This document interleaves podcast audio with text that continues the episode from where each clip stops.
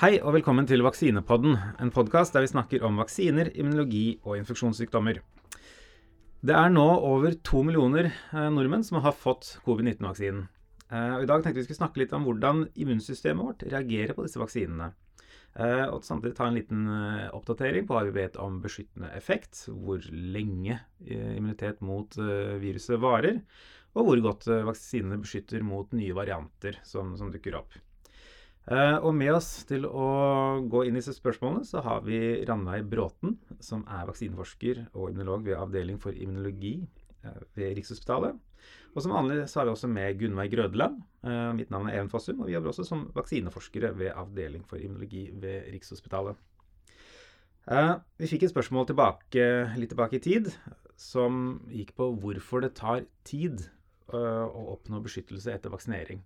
Eh, som sikkert de fleste har hørt, så etter at man er vaksinert, så går det en, en viss periode før man ansett å være beskyttet. Men, men hvorfor tar det da eh, flere uker fra vaksinen settes til man egentlig er beskyttet? Eh, og det tenkte vi rett og slett også gå litt inn på i dag. Og Ranne, kan begynne med deg. da. Har, kan du forklare litt hvorfor eh, det tar tid fra vi rett og slett får vaksinen til vi oppnår beskyttelse? Eh, Idet kroppen mottar et virus eller en vaksineprotein, så trenger kroppen litt tid til å starte responsene til å lage antistoffer. Og det skjer ved at vi har eh, såkalte vokteceller i kroppen som vil eh, fange opp disse virusene, eller vaksineproteinene, og ta det med seg inn i lymfeknutene hvor selve immunresponsene skjer.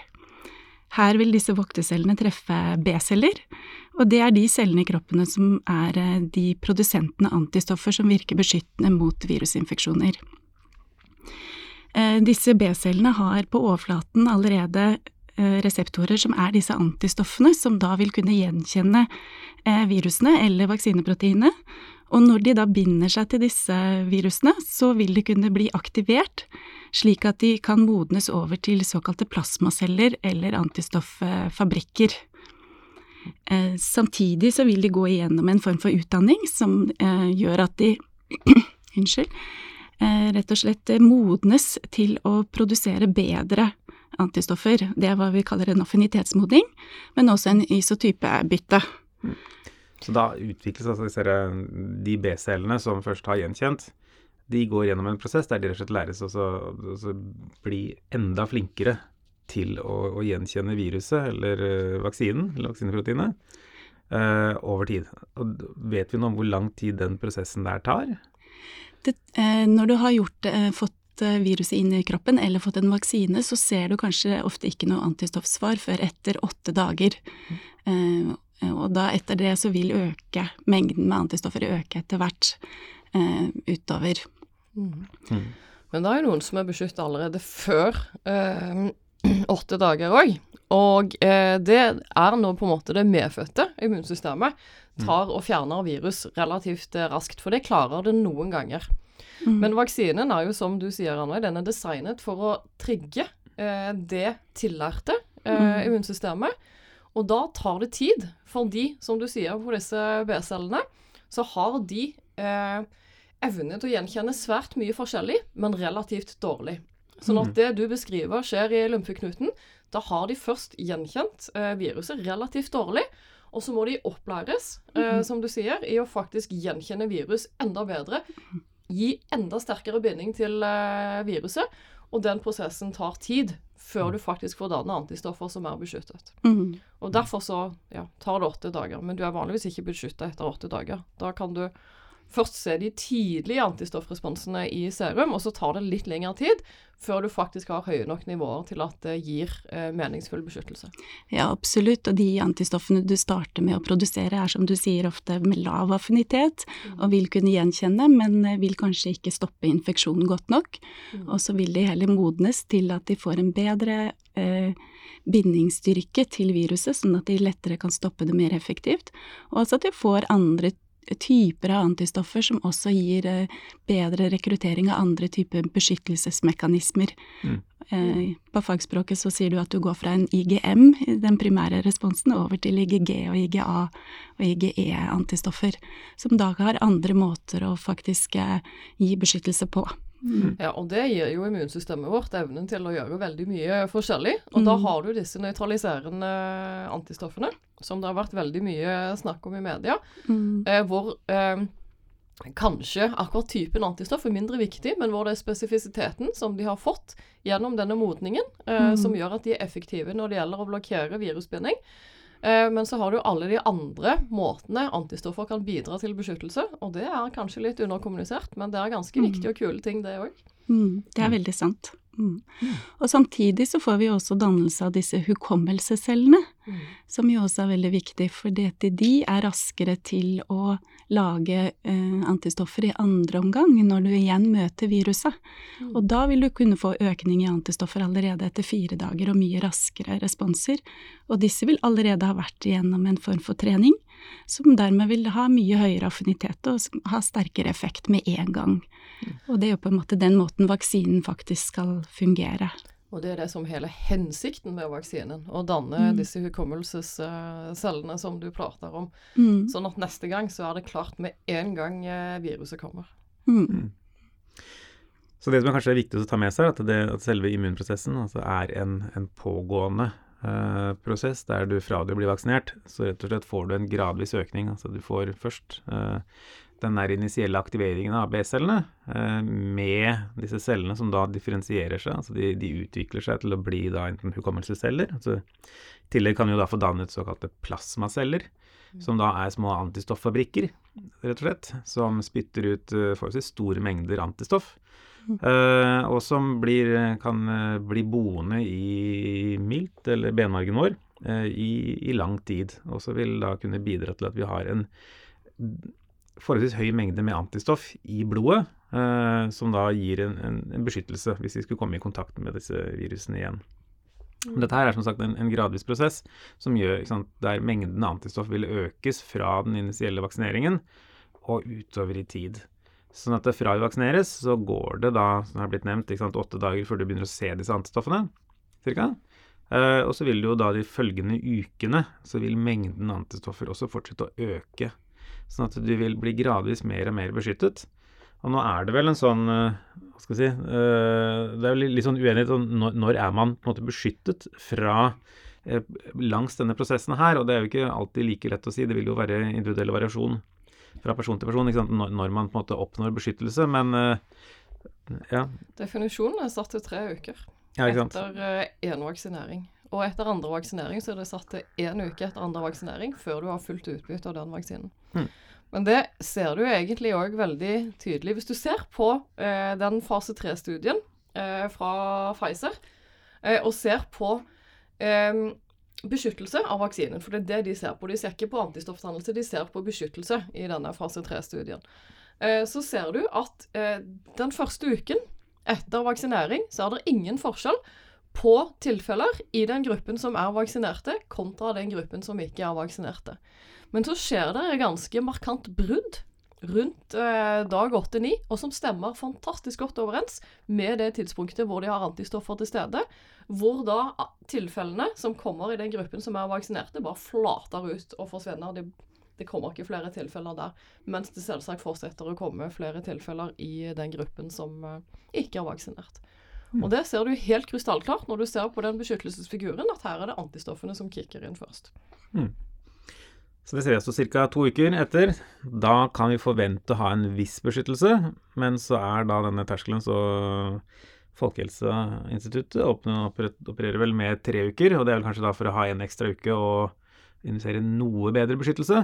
Og så er det eh, individuelle forskjeller her, ikke som sant? du sier. Ja. Så man må alltid ta høyde for det. Ja, og dette går bl.a. på den der, disse koronapassene som det nå snakker om å innføre, der man tre uker etter første vaksinering anses for å være ganske godt beskyttet. Og så vil selvfølgelig også beskyttelsen sannsynligvis stige fra tre uker og de neste ukene. Sånn ca. til seks-åtte uker så kan du forvente en sånn økning i mengden antistoff i blod. Så, så, det er ikke sånn at dette her er en en, en, veldig sånn kortvarig prosess. Det, man opparbeider seg immuniteten. Det, det, tar litt tid, og det er en gradvis prosess som går fra man er vaksinert og egentlig et par måneder framover i tid. Og så får man da dose to, som, som nå settes vel mellom to-tre eh, måneder etter dose én. Og som da vil gi en ytterligere økning i, i mengden antistoffresponser, og så bidra til å gi enda bedre altså antistoffer som gjenkjenner viruset enda sterkere. Men der tror jeg jeg må presisere bare enda en gang at selv om du er vaksinert og ikke lenger har antistoffer i uh, blodet som kan måles, så er det ikke noen grunn til å være bekymra. For de som Ranveig var inne på tidligere, vi har disse hukommelsescellene som ligger klar, og som vi nå vet dannes etter uh, vaksinering. Mm. Og de vil gi langvarig beskyttelse selv etter at du ikke lenger har antistoffer i blodet ditt. Mm. Mm. Så uh, nå har vi fått dannet disse antistoffene. Vi har, er vaksinert. Så da neste spørsmål er jo da naturlig nok hvor lenge varer de? Så vet vi så mye om dette? Eh, sånn læreboktekst sier jo på en måte at disse antistoffene kun varer en eh, Det er litt avhengig av typen, men de EGG-antistoffene som er kanskje de viktigste etter en vaksine, de varer ca. seks uker i blod før de forsvinner ut. Men de eh, antistoffproduserende plasmacellene, eh, antistofffabrikkene, de varer mye lenger. Så etter at du har hatt en skikkelig infeksjon, så vil de kanskje kunne være i kroppen i over eh, ti år. Eh, og vil produsere antistoffer. Men sånn som vi har snakket om, så vil du ha en gradvis økning fra du starter og til du får en sånn peak mellom én til to måneder etter en vaksinasjon eller infeksjon. Og så vil det gradvis gå ned igjen hvis du ikke møter det samme antigenet igjen eller den samme vaksinen. Og så vil det stabilisere seg på et nivå som er kanskje 1% av denne piken. Men da vil du ha disse plasmacellene og huskecellene som Gunnveig snakket om. Sånn at hvis du møter viruset igjen, så vil du veldig raskt kunne øke denne antistoffmengden igjen, hvis du har rukket å komme veldig langt ned. Men det vil alltid være et visst nivå med antistoffer som vil sirkulere i eh, blodet. Mm det matcher vel kanskje det, altså det, man har sett fra studier på, på personer som i hvert fall har gjennomgått eh, koronainfeksjon, eller SARS-CoV-2-infeksjon, der man ser at de, du får en initiell, eh, ganske sånn høy eh, forekomst av antistoffer, og så avtar vel den noe i løpet av de første fire månedene. Så du får en sånn gradvis nedgang. Og så har man en ganske sånn stabil forekomst av antistoffer etter det sånn utover. Og man har vel Nå har vi jo det er det litt over et år, eller nærmere et halvannet år siden de første tilfellene kom. Og man har vel i hvert fall sett at du har noenlunde stabile antistoffmengder i blod i, i hvert fall et år. Uh, og det er vel kommet noen studier uh, som også har sett på disse hukommelsescellene, at ca. et år etter infeksjon så har man sett at du, du har fortsatt hukommelsesceller i blodet, og du har plasmaceller som, som da kan, uh, kan, bidra til også, å, å gjøre det, altså beskytte deg mot, mot reinfeksjon. Mm. Og når du sier vi har det et år, så betyr det minst et år. Ja. Og det tenker jeg er viktig å presisere. Vi har ikke mm. kunnet se på det lenger. Uh, men helt typisk så pleier i hvert fall disse hukommelsesresponsene å vare i noen år. Og i noen tilfeller kan de faktisk vare livet ut. Mm. Uh, det varierer litt fra virus til uh, virus. Men det er noen som har lurt på Det har vært en del spekulasjoner rundt hvor lang tid disse vaksinene faktisk er effektive. Men jo mer vi ser av data, jo mer ser vi òg bevis for at disse vaksinene vil være effektive så lenge at det vi trenger å være bekymret for, er ikke vaksineeffekten i seg selv, men i hvilken grad viruset faktisk uh, endrer seg. Mm. Eh, og det er jo betryggende. Og det var nettopp en eh, studie som faktisk viste at du òg ja, Det var etter myldinfeksjon med virus. Så har du benmargen. De tok benmarg og så om du hadde hukommelsesceller der. og det hadde man i en veldig stor grad. og det er Vel, det er en relativt smertefull prosess for de som er hyggelig å donere benmarg eh, etter infeksjon, sånn at eh, det var ikke så mange personer med, og det er veldig logisk. Men det, det er veldig betryggende å se at òg der stemmer rett og slett eh, praksis. Mm. Eh, og det vi ser, helt overens med teorien for dannelse av gode immunresponser. Mm. Det som også kanskje kan være litt morsomt, eller som er veldig fint, er at selve den utdanningsprosessen som B-cellene går igjennom, er avhengig av at du har eh, proteinet til CD, altså viruset eller vaksineelementet. Men denne utdanningen kan fortsette ved at du kan gi en boost. Og det er jo derfor man ofte gir en boost av vaksinen. Og dermed så kan disse huskecellene igjen gå gjennom en ny utdanningsrunde og kanskje få enda bedre bindingsaffinittet eller styrke til å beskytte. Noe som er kanskje e-, egentlig ganske litt sånn kult, at du både med vaksine, men også når du møter infeksjonen ved et senere stadium, kanskje kan påvirke B-cellene dine til å bli enda bedre mm. og få bedre beskyttelse. Noe som tilsier at det er veldig lurt å ha den første vaksinen uansett hvordan den virker mot eventuelt nye varianter. Mm. For da har du startet denne responsen, så du har et litt bedre utgangspunkt enn om du hadde startet på null. Veldig sant. Ikke sant. Ja. Nei, det, det, er et veldig godt poeng. At du da du har et utgangspunkt uh, for, for reinfeksjon. Uh, og, og, litt av det som Men først går vi litt på altså, hvordan disse hukommelsescellene gjenkjenner uh, bl.a. virus, eller om det da er vaksineproteinene. At de, mens vi har disse antistoffabrikkene da, som er litt sånn fiksert i, sin, uh, i hva de gjenkjenner, de, de skiller ut én type antistoffer. Uh, og vil ikke endres. Ikke de vil fortsette å skille ut de antistoffene. Men så har disse hukommelsescellene da, som har den der plastisiteten, at de kan, de kan, endres. De kan igjen begynne å endre uh, på B-cell, på antistoffet som sitter i cellemembranen, for å da gjenkjenne viruset enda bedre. Og det tenker jeg det er en Ja, absolutt. En veldig god ting. Litt av grunnen til at vi går inn på dette med, med hukommelse og, og, varighet av responser, er jo det at for andre koronavirus så har man jo sett at uh, beskyttende effekt ikke nødvendigvis er så fryktelig lang. Så man har jo enkelte studier som har sett at man, man gjerne blir uh, smittet på nytt av sånne sesongforkjølelsesvirus. Uh, hvert år. At det da kan gå faktisk så lite som seks måneder mellom man har hatt én runde med smitte, og til man da blir smittet på nytt. Og så langt så er vel Så hva vet vi om, om reinfeksjon med, med SARS-CoV-2-viruset? Så langt så virker ikke det har vært så stort problem. Nei, altså jo mer vi lærer om eh, SARS-CoV-2, jo mer ser vi at de immunresponsene som dannes eh, etter både vaksinering og infeksjon, de følger et sånn klassisk mønster, mønster med dannelse av antistoffer med hukommelsesceller og T-celler, og har alle indikasjoner på at disse vil beskytte mot reinfeksjon. Og det stemmer egentlig veldig godt overens òg eh, med det vi observerer. Så da er spørsmålet hva er det som skiller SARS-CoV-2 og de immunresponsene vi danner mot det, fra det vi danner mot andre koronavirus. Eh, og der er det rett og slett fryktelig mye eh, vi ikke vet ennå. Eh, og så er det òg sånn at disse andre koronavirusene, som typisk bare danner forkjølelser og vel milde, mildere infeksjoner, de er ikke sånn kjempegodt studerte. Uh, rett og slett. Det har liksom ikke vært høy prioritet, siden de har vært såpass ufarlige uh, for befolkningen.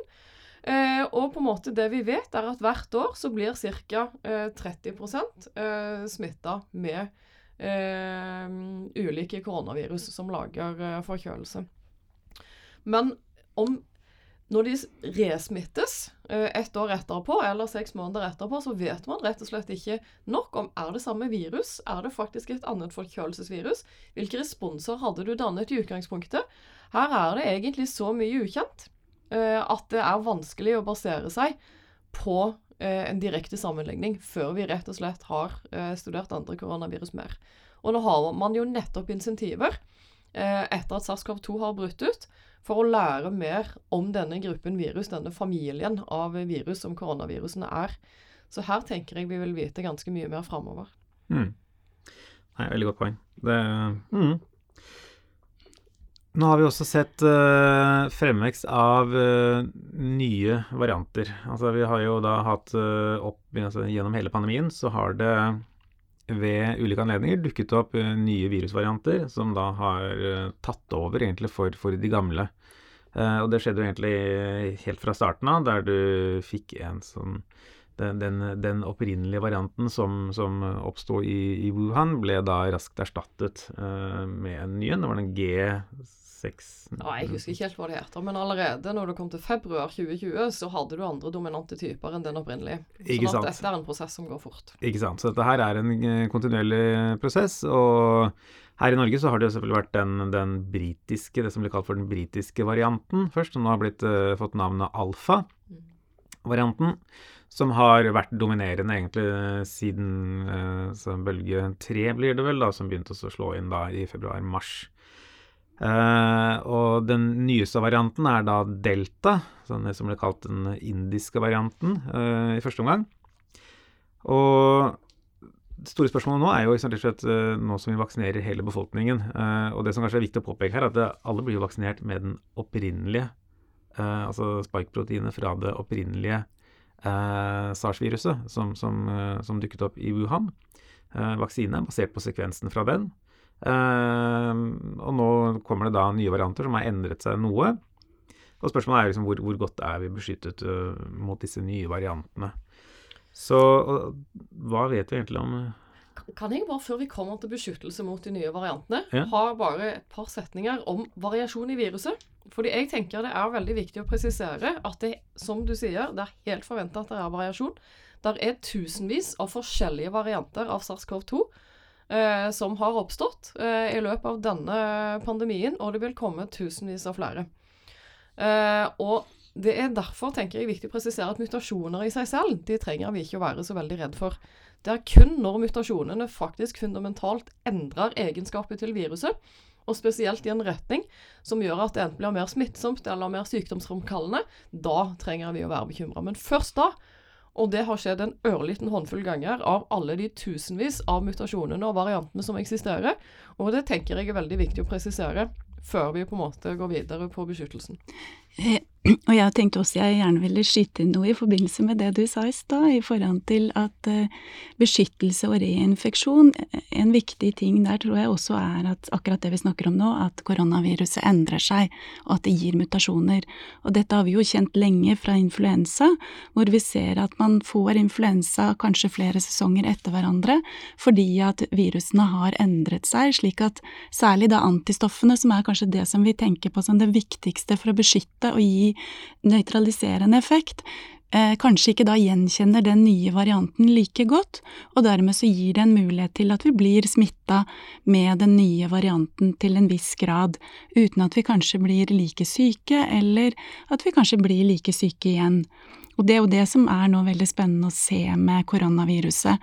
Hvor god er den beskyttelsen som vi får med denne eh, vaksinen som vi har begynt å gi, som er utgangspunktet for koronaviruset, sånn som det var i desember, eh, og hvor godt beskytter det mot de nå nye variantene. Og det følges jo veldig nøye med fra alle, alle forskningsmiljøer og alle folkehelser rundt omkring. Ja, og et annet viktig perspektiv er hva er beskyttelse? Fordi jeg registrerer at det er en del som liksom betrakter beskyttelse som én gre greie. Enten er du beskyttet, eller så er du ikke. Men du kan være beskyttet mot fullstendig infeksjon i det hele tatt. At, ikke, at viruset ikke klarer å trenge inn i cellene dine i det hele tatt. Da kaller vi det en steriliserende beskyttelse. Det er jo på en måte den beste formen. Og så har du beskyttelse mot symptomatisk sykdom. Du har beskyttelse mot mild sykdom. Beskyttelse mot alvorlig sykdom og beskyttelse mot død. Eh, og vaksinene vil jo i større eller mindre grad eh, respondere på noen eller alle av disse kategoriene. Så før vi på en måte diskuterer eh, beskyttelse mot disse mutasjonene, så er det viktig å ha for seg at det er mange forskjellige typer beskyttelse. Og som Ranveig òg er litt inne på, når vi snakker om beskyttelse, så er det ofte disse nøytraliserende antistoffene som har vært i fokus. Og de er supereffektive når det gjelder å oppnå den aller beste typen beskyttelse. Den som kan hindre infeksjon inn i cellene våre. Det er den beste beskyttelsen vi kan få. Det er òg den mest spesifikke beskyttelsen, uh, i og med at den da, de antistoffene er trent opp til å gjenkjenne det viruset så spesifikt at selv mindre endringer i dette viruset, da vil de antistoffene ha en redusert effekt. Og det er da vi er så heldige at disse vaksinene de er faktisk, eh, i motsetning til eh, disse klassiske gamle vaksinene vi har brukt før, som består av hele virus, så er de vaksinene vi bruker nå, de er bedre både på å danne andre typer antistoffer som kan beskytte, eh, på andre måter med andre mekanismer, men òg T-celler. Og det har vi ikke vært inne på ennå. Så her er det veldig mange lag både i immunforsvaret og eh, når det gjelder beskyttelse, som eh, er utgangspunkt for eh, hvordan mm. man går videre. Og det vi kanskje også kanskje bør nevne, og som er veldig viktig, selv om det ofte ikke er så veldig fokus i forhold til vaksinebiten, er jo at det som kanskje gir aller best nøytralisering, er faktisk en type antistoffer som du finnes på slimhinnene, som er en spesiell subtype som da vil kunne blokkere viruset i å bli tatt opp i utgangspunktet. Og det er de IGA-molekylene, eller antistoffene, eh, som eh, du vil få eh, hvis du vaksinerer i, på slimhinnene, eh, mm. sånn at du kan få en absolutt nøytraliserende effekt. Eh, men det er kanskje noe vi må diskutere en helt annen gang, i forhold til de fleste vaksiner nå vil gi store responser med IGG-molekyler, som først og fremst vil virke inni kroppen og hindre opptaket av celler når virusen har kommet eh, litt lenger inn. Mm. Det vi jo vet, hvis vi faktisk skal begynne å besvare spørsmålet som Even opprinnelig faktisk stilte om beskyttelse, så er jo utgangspunktet at uh, i eh, de kliniske studiene så så man jo at disse mRNA-vaksinene de ga en beskyttelsesprosent på rundt 95. Eh, det er veldig høyt. Eh, og på en måte sånn prosentvis tall må du alltid ta med en viss klype salt. Fordi små forskjeller i de studiene kan forskyve den prosenten ganske kraftig. Men det som er veldig hyggelig for mRNA-vaksinene, er at studier som har kommet senere på befolkningsnivå, altså etter at vaksinen har blitt rullet ut i uh, samfunnet, de viser at disse vaksinene faktisk er skikkelig effektive, og faktisk ser ut til å ha en reell biologisk effekt som ligger rundt uh, 90-95 mm. Og det er jo mot den eh, varianten som ligner på den som er i vaksinen. Uh, og så er det jo eh, heldigvis sånn at eh, den alfa-varianten, den Storbritannia-varianten som vi pleide å kalle den, den er såpass lik vaksinen at der regner vi med full beskyttelse. Når vi kommer til de andre variantene, som er varianter av bekymring, som man kan kalle de, så varierer effekten noe, men det er helt opplagt at den går ned. Fordi disse nøytraliserende antistoffene de er ikke lenger så effektive, sånn at da må man i større grad stole på eh, andre typer immunresponser. Eh, der er noen studier som viser at mot noen av de mest avvikende variantene, så kan effekten etter én vaksinering være nede kanskje mot 30% Øker det 50 etter eh, andre vaksinering. Det er beskyttelse mot symptomatisk sykdom. Eh, og der er jo forventa enda mye bedre beskyttelse mot eh, alvorlig sykdom og død. Mm. Eh, så her er det ja, Vaksinene vil ha en effekt. Med den kunnskapen vi har eh, per dags dato, så har de en veldig god effekt eh, allerede, så langt vi vet. Og så viser jo dette også at den andre dosen eh, faktisk er ganske viktig, fordi da får du videre utdanning av B-cellene, slik at de kan bli enda bedre til å gjenkjenne. Selv om du kanskje ikke vaksinerer med den nye varianten, så vil du allikevel kanskje få økt Eh, bindingsevnen til antistoffene, slik at de kan virke bedre mot de delene som er felles av disse mutantene. Mm. Ja, og det vi òg vet, vi var bitte litt inne på T-celler tidligere. Men T-celler er egentlig helt geniale på den måten at de gjenkjenner eh, elementer som finnes eh, veldig mange steder eh, i viruset. Altså når du har spike i vaksinen, så dannes det òg T-celler mot områder i spike. Men spike er ikke bare spike. Spike har noen områder som er ganske variable, og som typisk er de delene eh, hvor antistoffene, de nøytraliserende antistoffene binder, og hvor viruset binder seg til cellene våre. Og så er det andre deler som er likere mellom mange forskjellige varianter. Og når du får dannet T-celler, så får du òg dannet responser mot de delene der. Det vil si at eh, SARS-CoV-2 skal endre seg ekstremt mye før de T-cellene som dannes ved eh, vaksinering, har en, eh, eller ikke vil ha noen trolig effekt. Mm. Sånn at uansett hva som skjer framover, så vil immunsystemet kunne dra nytte av den treningen som skjer eh, med vaksinen. Mm. Viktig poeng er at eh, disse, når vi snakket om B-celler som lager hukommelsesceller, men det gjør selvfølgelig også T-cellene.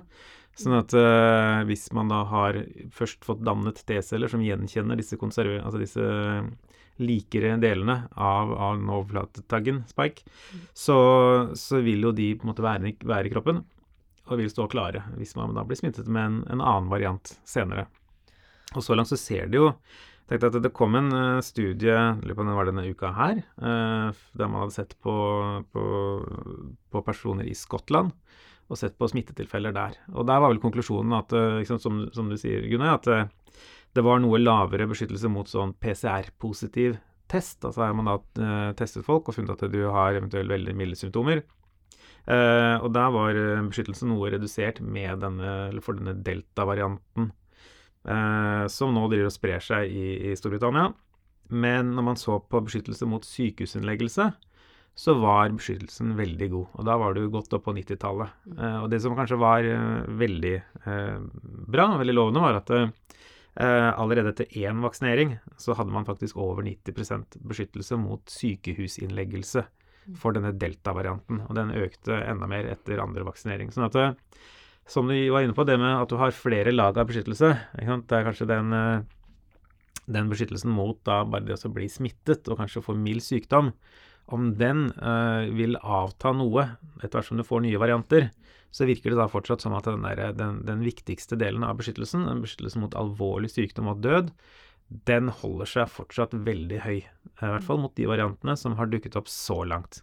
Og så er det jo vanskelig å vite da hva, hva tiden vil bringe, men det, det, får vi nesten bare se. Mm.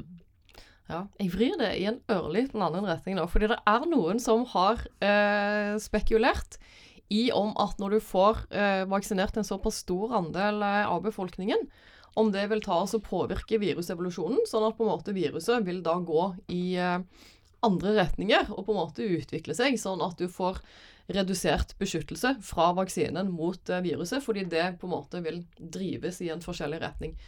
Og det er helt opplagt eh, at det vil skje. Eh, men eh, pga. disse lagene med immunitet, som eh, vi har vært inne på, så er jo ikke det egentlig et stort problem. Eh, fordi eh, vaksinene vil òg på en måte ta de variantene. Eh, så det er et større problem eh, at det er store deler av verden som ikke er vaksinerte, og hvor viruset får spre seg helt fritt i befolkningen. Der vil du virkelig ha dannelse av framtidens aparte varianter, som vi må være forberedt på. Eh, og så vil vi ha mye bedre kontroll på det som eh, går videre i vaksinerte deler av verden. Mm. Mm. Det er altså et altså, kjempeargument for hvorfor det er viktig at alle vaksineres. Eh, rett og slett. Altså det med distribusjon av vaksiner og hvordan det å ha en rettferdig fordeling. Ja.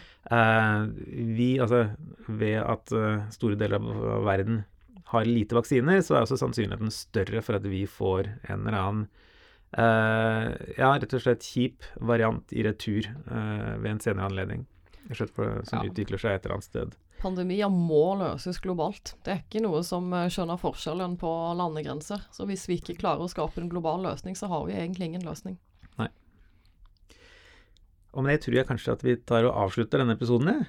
Uh, Tusen takk til eh, Morten Skoglund for, eh, ved seksjon for medisinsk informatikk. Eh, tusen takk til Ranveig Bråten for at du var med oss i dag. Og takk til alle dere som hørte på.